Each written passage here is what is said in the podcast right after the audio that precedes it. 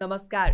यो Thinkers Society र UN वुमेनको सहकार्यमा सुरु गरिएको कोभिड नाइन्टिनद्वारा सिर्जित तनावका लागि परामर्श पडकास्टमा म निष्मा यहाँ सबैलाई स्वागत गर्न चाहन्छु।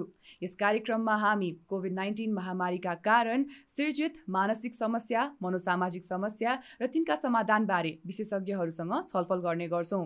आजको दोस्रो एपिसोडमा हामी कोभिड नाइन्टिन महामारीका कारण बालबालिका तथा किशोर किशोरीहरूमा देखिने मानसिक समस्या मनोसामाजिक समस्या र तिनका समाधानबारे चिकित्सक मनोविद सबिना महर्जनजीसँग कुराकानी गर्नेछौँ। उहाँ टिपिओ नेपालमा कार्यरत हुनुहुन्छ।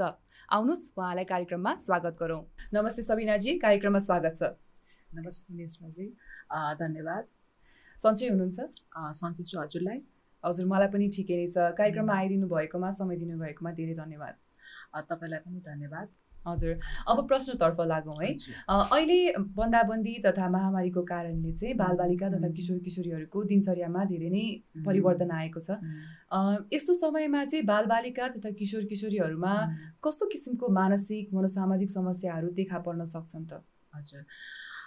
यो चाहिँ यस महामारी तथा बन्दाबन्दीको कारणले गर्दाखेरि चाहिँ बच्चाहरूमा धेरै समस्याहरू देखेको छ। जसले गरेर उनीहरूमा चाहिँ विभिन्न खालको सवालहरू आउँछ मनमा। जस्तै म स्कुल कहिले जाने होला? विद्यालय स्कुल कहिले खुल्छ होला? त्यस्तै गरेर होइन अब यो कोरोना भाइरस कहिले सकिन्छ होला भने जस्तो मनमा चाहिँ सवालहरू आउने गर्छ। जसले गर्दाखेरि चाहिँ उनीहरूको चाहिँ त्यो सवालहरूलाई चाहिँ नकारात्मक असर गर्ने हुन्छ। जस्तै भावनामा दिक्क लाग्ने होइन? दुःखी महसुस हुने हुन्छ। अनि त्यसले गर्दाखेरि यदि अभिभावकले त्यो कुराहरू बुझेर होइन गर्न सक्नु भएन भने उनीहरूको सवालको चाहिँ उत्तर दिन सक्नु भएन भने उनीहरूमा चाहिँ मनोसामाजिक समस्याहरू देखा पर्न सक्छन्। हजुर कुन किसिमको मनोसामाजिक समस्याहरू अनि व्यावहारिक परिवर्तनहरू देख्न सकिन्छ त? यस्तो मनोसामाजिक समस्याहरूमा चाहिँ खास गरी सानसाना बालबालिकाहरूमा चाहिँ उनीहरू चाहिँ अलिकति चञ्चल हुने होइन अत्याधिक रिसाउने अनि त्यसपछि जुन कुराहरू पहिले सिकिसकेका छन् नि दिसा पिसाब गर्न सिकाएको थियो भने त्यो कुराहरू चाहिँ उनीहरूले नगरिदिने होइन ओछ्यानमै गरिदिने निन्द्रामा पनि नराम्रा सपनाहरू देख्ने होइन अत्याधिक खानाहरू खाने वा थोरै खानाहरू खाने अनि त्यस्ता कुराहरू देख्ने हुन्छ र अलिकति किशोर किशोरीहरूमा चाहिँ आफ्नो ध्यान दिएर कुराहरू गर्न नसक्ने होइन? दैनिक क्रियाकलापहरूमा संलग्न नहुने रिसाउने टाउको ठोक्काउने आत्महानि जस्ता आत्महत्याको सोचहरू आउने होइन? लागु औषधमा पनि लाग्ने भनेर देखाएको छ।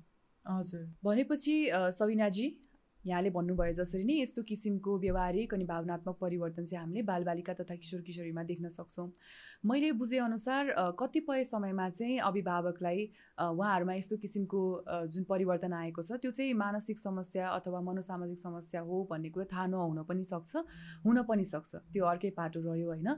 यस्तो अवस्थामा यस्तो परिवर्तन देखेको अवस्थामा चाहिँ अभिभावकले कस्तो भूमिका खेल्न सक्नुहुन्छ के कस्तो कामहरू गर्न सक्नुहुन्छ उहाँहरूलाई सहयोग गर्नलाई? यस्तो अवस्थामा चाहिँ चाहिँ होइन अभिभावकले चाहिँ बालबालिकाहरूको कुराहरू चाहिँ सुनिदिनु पर्ने हुन्छ र होइन जुन बालबालिकाहरूले चाहिँ त्यो विचार भावनाहरू चाहिँ होइन व्यक्त गर्नुहुन्छ त्यो त स्वाभाविकै हो भनेर हामीले भन्नुपर्ने हुन्छ। यो चाहिँ असामान्य परिस्थितिमा पनि सामान्य प्रक्रियाको रूपमा लिनुपर्ने हुन्छ। र चाहिँ हामीले चाहिँ अभिभावकले बालबालिका तथा किशोर किशोरीलाई चाहिँ होइन भनौँ न यो चाहिँ तिमीलाई मात्र भएको समस्या होइन। यो विश्वव्यापी रूपमा चाहिँ यस्तो समस्याहरूबाट होइन सबैजना गुज्रिरहेका छन् भन्ने कुराहरू पनि हामीले चाहिँ भन्नुपर्ने हुन्छ। जस्तै समान अनुभूति भइरहेको छ सबै बालबालिकालाई भनेर नै हामीले चाहिँ भन्नुपर्ने हुन्छ। र त्यस्तै रहेर चाहिँ हामीले चाहिँ अर्को चाहिँ मान्यता प्रदान गर्ने भन्छौँ होइन। यसमा चाहिँ अभिभावकले चाहिँ बालबालिकाहरूले है भनेका होइन अब नकारात्मक विचार भावनाहरूलाई चाहिँ हामीले स्वीकार स्वीकार गरिदिनु पर्ने हुन्छ। हजुर हजुर।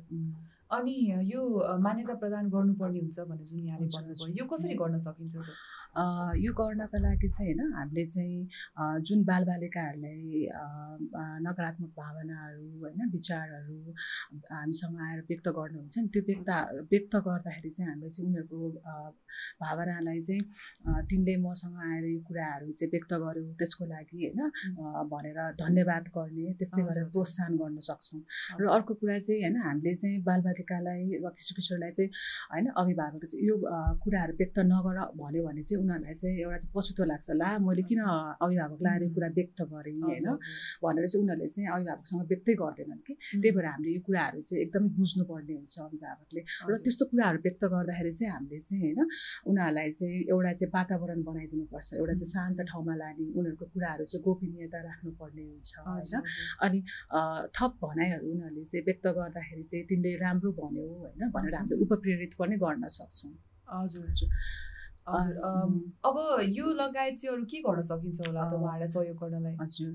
यो लगायत चाहिँ हामीले चाहिँ होइन समानुभूति पनि होइन गर्न सक्छौँ। त्यस्तोमा चाहिँ कस्तो भने अभिभावकले चाहिँ बालबालिका तथा किशोर किशोरीहरूको चाहिँ भावनाहरू विचारहरू चाहिँ उनीहरूको तवरले बुझ्ने भन्छौँ होइन। यसको लागि चाहिँ उदाहरणको लागि चाहिँ होइन बालबालिका तथा किशोर किशोरीहरूकोलाई चाहिँ अभिभावकले चाहिँ तिमी कस्तो परिस्थितिबाट बुझिरहेको छौ होइन? तिमीलाई कस्तो कठिनाइ भोगिरहेको छौ भन्ने कुरा चाहिँ हामीले चाहिँ बुझ्छु होइन म बुझ्छु तिमीलाई कस्तो भइरहेछ भनेर चाहिँ हामीले चाहिँ उनीहरूको तरिकाबाट चाहिँ हामीले बुझ्नुपर्ने हुन्छ।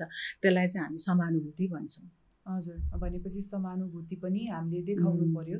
आफ्नै व्यवहारमा जसले गर्दाखेरि चाहिँ बालबालिका तथा किशोर किशोरीहरूलाई चाहिँ अलिकति सहयोग हुन्छ यस्तो अवस्थामा। हजुर। हजुर पक्कै पनि सबिनाजी यहाँले जसरी भन्नुभयो भावना व्यक्त गर्न दिनुपर्छ उहाँले भन्नुभएको कुराहरू सुन्नुपर्छ भनेर हामीले यो पडकास्ट सुरु गर्नु अघि चाहिँ सर्वेक्षण गरेका थियौँ। अनि त्यो सर्वेक्षणमा के देखा पर्यो भन्दाखेरि थुप्रै किशोर किशोरीहरूलाई चाहिँ आफ्नो भावना व्यक्त गर्न अप्ठ्यारो भइरहेको छ भन्ने कुरा उहाँहरूले बताउनु भयो हामीलाई व्यक्त गर्नुभयो।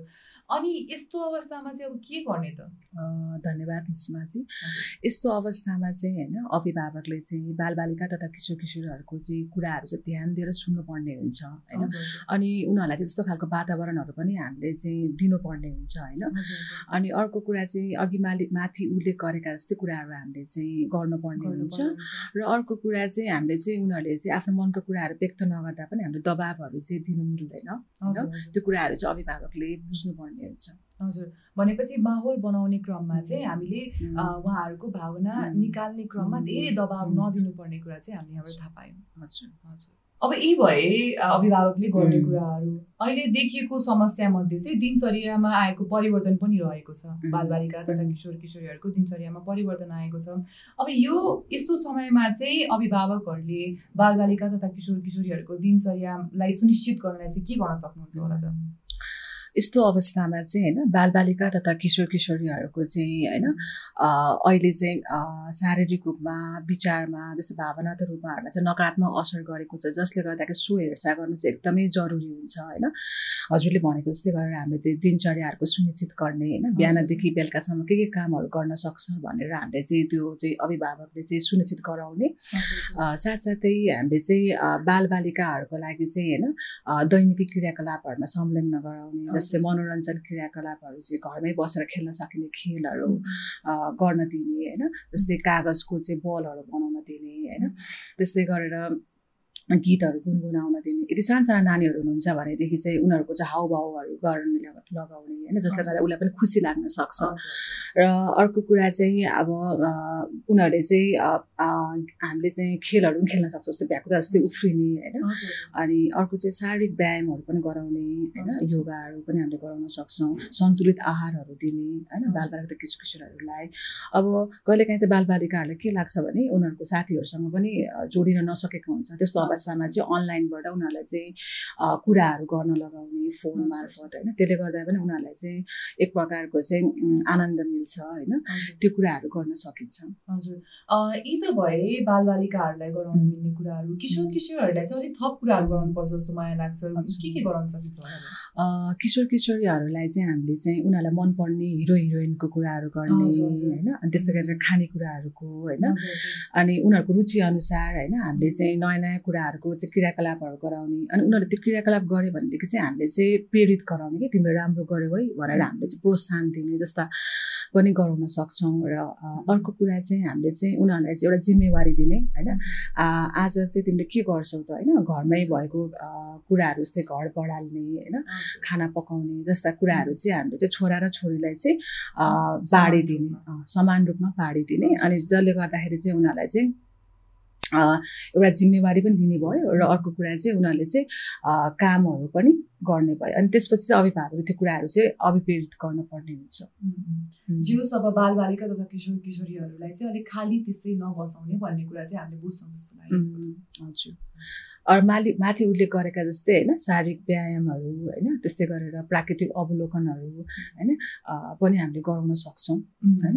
अनि यस्तो शान्त रहनको लागि चाहिँ हामीले चाहिँ लामो सास लिने होइन अनि त्यस मेरो मन शान्त छ भनेर यस्तो सकारात्मक सोचहरूको पनि हामीले विकास गराउन सक्छौँ बालबालिका तथा किशोर किशोरीलाई। भनेपछि अभिभावकहरूले यसरी चाहिँ दिनहरू सुनिश्चित गर्न सक्नुहुन्छ। अरू चाहिँ होइन अभिभावकले चाहिँ बालबालिका तथा किशोर किशोरहरूसँग चाहिँ दिनमा बिस मिनट जति उनीहरूसँग कुराकानी गर्न चाहिँ समय छुट्याउने होइन। अरू त्यसको चाहिँ अरू उपायहरू भनेको चाहिँ प्राकृतिक अवलोकनहरू गर्ने होइन त्यो पनि गर्न सकिन्छ। भनेपछि सबिनाजी अभिभावकको भूमिका बालबालिका तथा किशोर किशोरीहरूको दिनलाई चाहिँ सुनिश्चित गर्नमा एकदमै मुख्य रहेछ।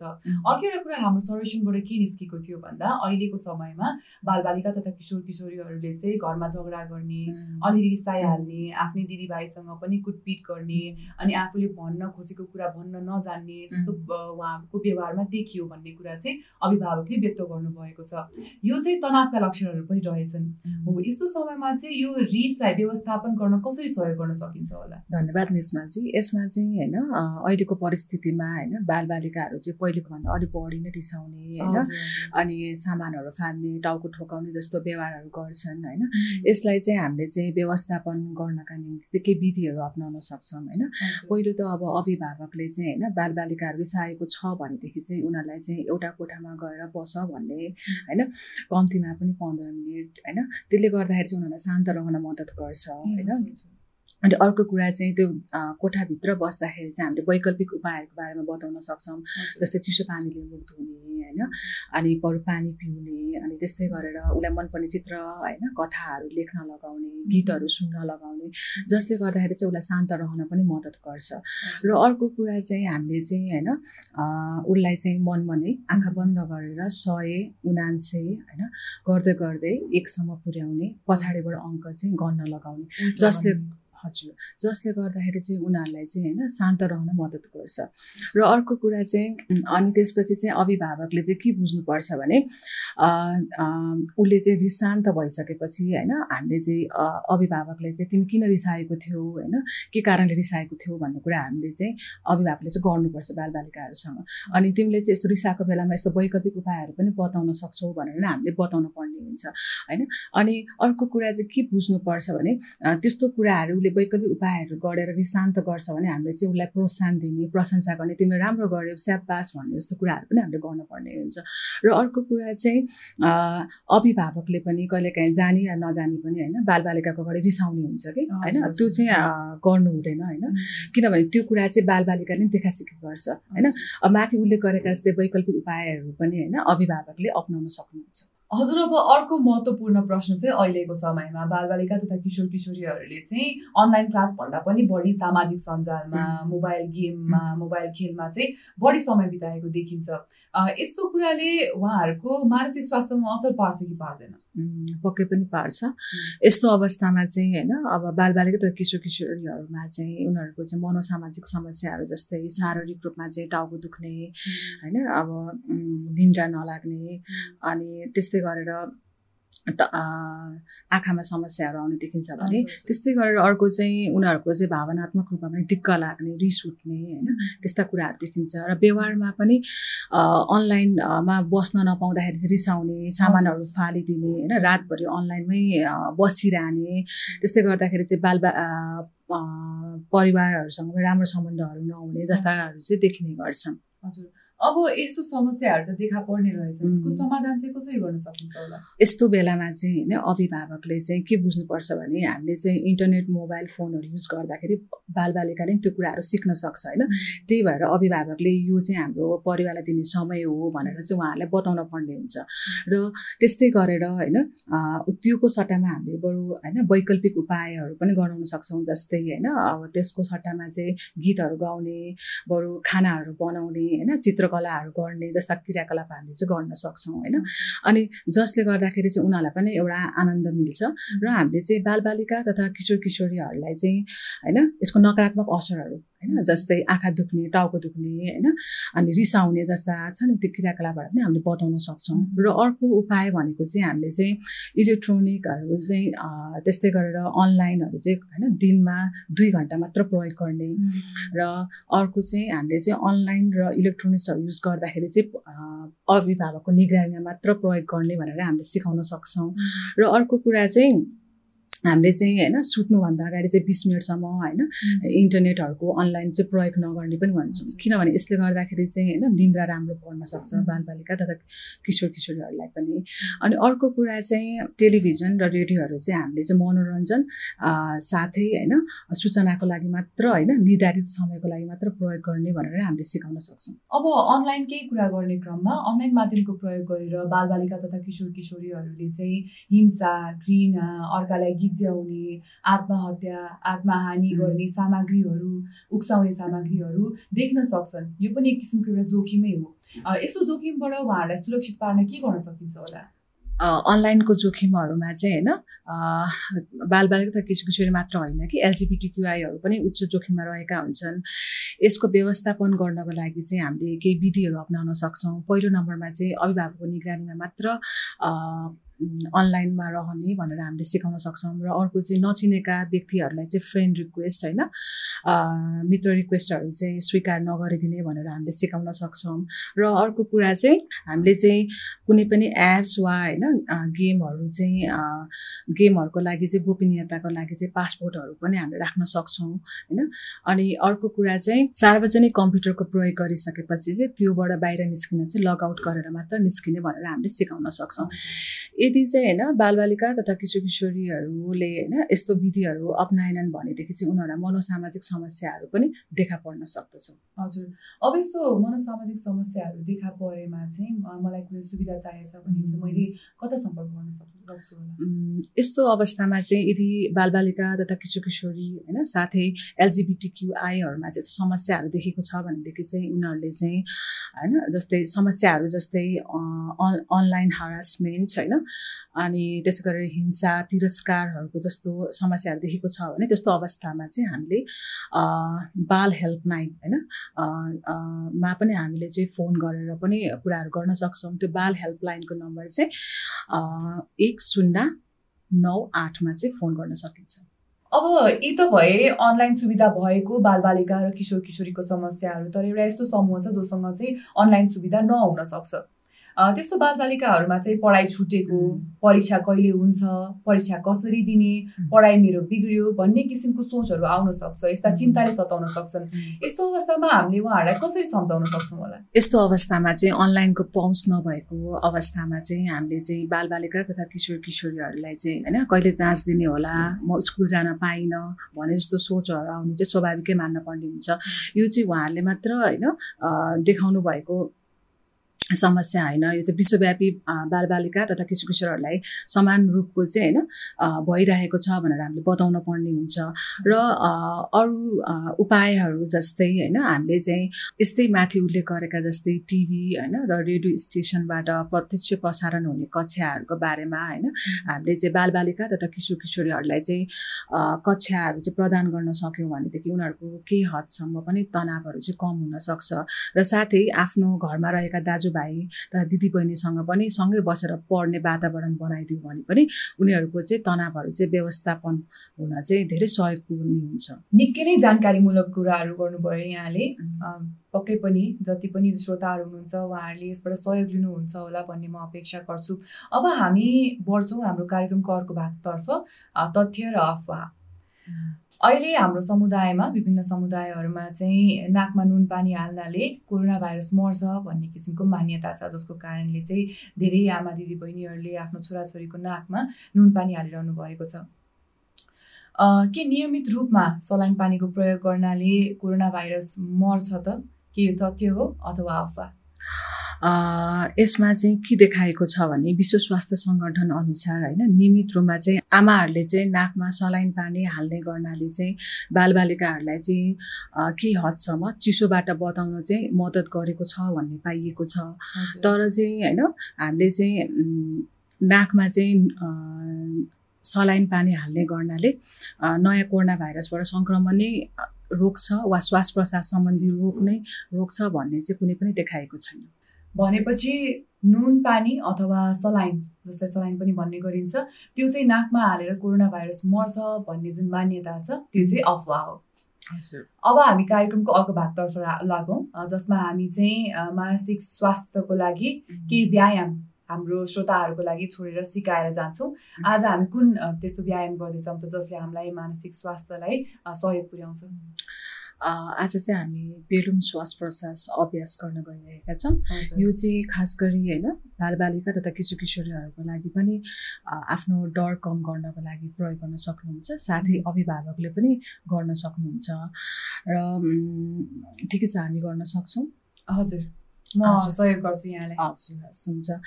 अब हजुर चाहिँ जहाँ बस्दै हुनुहुन्छ होइन त्यो कुर्सीमा हुनुहुन्छ भने अब हात खुट्टाहरू खुल्ला गरेर राख्नुहोस्। ओके। अनि त्यस्तै गरेर होइन अब कोही मान्छे कोही चाहिँ अब सुकुरमै बसिरहनु भएको छ भने पनि होइन सिधा गरेर बस्न सक्नुहुन्छ र आफ्नो हात खुट्टालाई चाहिँ हल्का छोडिदिनुहोस्। अनि यो विधि गर्ने बेलामा चाहिँ हामीले आँखा बन्द खुल्ला गरेर पनि गर्न सक्छौँ र एकदम शान्त ठाउँमा चाहिँ अब बस्न पर्ने हुन्छ र यो विधि गर्ने बेलामा चाहिँ हामीले चाहिँ होइन एउटा हात चाहिँ छातीमा राख्ने र अर्को हात चाहिँ पेटमा राख्न सक्छौँ र आफूले चाहिँ होइन कल्पना गर्ने। जहाँ चाहिँ आफ्नो पेट चाहिँ बेलुम जस्तै फुलेको अनुभव गर्न पर्ने हुन्छ र बेलुम जस्तै सुकिरहेको पनि हामीले अनुभव गर्न पर्ने हुन्छ। र हामीले चाहिँ लामो सास लिनुहोस् होइन? लामो सास लिँदाखेरि निल्समा चाहिँ त्यसमा चाहिँ पेट फुलेको अनुभव गर्नुहोस् अनि बिस्तारै सास बाहिर फ्याँक्दा चाहिँ बिस्तारै फाल्दाखेरि चाहिँ पेटभित्र सुक्दै गएको अनुभव गर्नुहोस्। राम्रो गर्दै हुनुहुन्छ। फेरि एकचोटि लामो सास लिनुहोस्। लामो सास लिँदा पेट चाहिँ बेलुन जस्तै फुलेको अनुभव गर्नुहोस्। र बिस्तारै पेटभित्र जाँदा सास बाहिर फाल्दा चाहिँ बिस्तारै पेट बेलुन जस्तै सुक्दै गएको अनुभव गर्नुहोस्। हजुर। अब बिस्तारै हात तल झार्नुहोस् र बिस्तारै आँखा खोल्नुहोस्। यो विधि चाहिँ हामीले होइन चार पटकसम्म गर्न मिल्छ। र यसले गर्दाखेरि चाहिँ तपाईँलाई तनाव डरलाई चाहिँ होइन कम गर्न चाहिँ धेरै सहायता पुर्याउने हुन्छ। हजुर धेरै धेरै धन्यवाद सबिनाजी। आज यहाँको समयको लागि निकै जानकारीमूलक रह्यो। हामी सबैजनाको लागि। धन्यवाद युएन ओमेनलाई साथै युथ थिङ्कर सोसाइटीलाई पनि धेरै धेरै धन्यवाद ज्ञापन गर्न चाहन्छु। हामीले यस पडकास्ट मार्फत मानसिक स्वास्थ्य सम्बन्धी जानकारी ल्याउने उद्देश्य राखेका छौँ। यस पडकास्टबाट यहाँहरूलाई मानसिक स्वास्थ्य सम्बन्धी जानकारी र तिनका समाधानको बारेमा पनि जानकारी भयो होला भन्ने हामी आशा गर्छौँ। यो पडकास्टलाई यहाँहरूले युथ थिङ्कर सोसाइटीको वेबसाइट र वाइटिएस केयरको सामाजिक सञ्जालमा भेट्न सक्नुहुन्छ। यति मात्र नभई यहाँहरूले हामीलाई प्रदेश नम्बर दुई र सुदूरपश्चिम प्रदेशको एफएम स्टेसनमा पनि सुन्न सक्नुहुन्छ। प्रदेश नम्बर दुईको लागि रेडियो बिरगन्ज र रेडियो मिथिलाञ्चल साथै सुदूरपश्चिम प्रदेशको लागि दिनेश एफएम र रेडियो सुदूर आवाजमा हामीलाई सुन्न सक्नुहुन्छ। यस कार्यक्रमप्रति यहाँहरूको केही गुनासो अथवा जिज्ञासा भएमा क्याप्सनमा दिएको प्रतिक्रिया फारम भर्न सक्नुहुन्छ।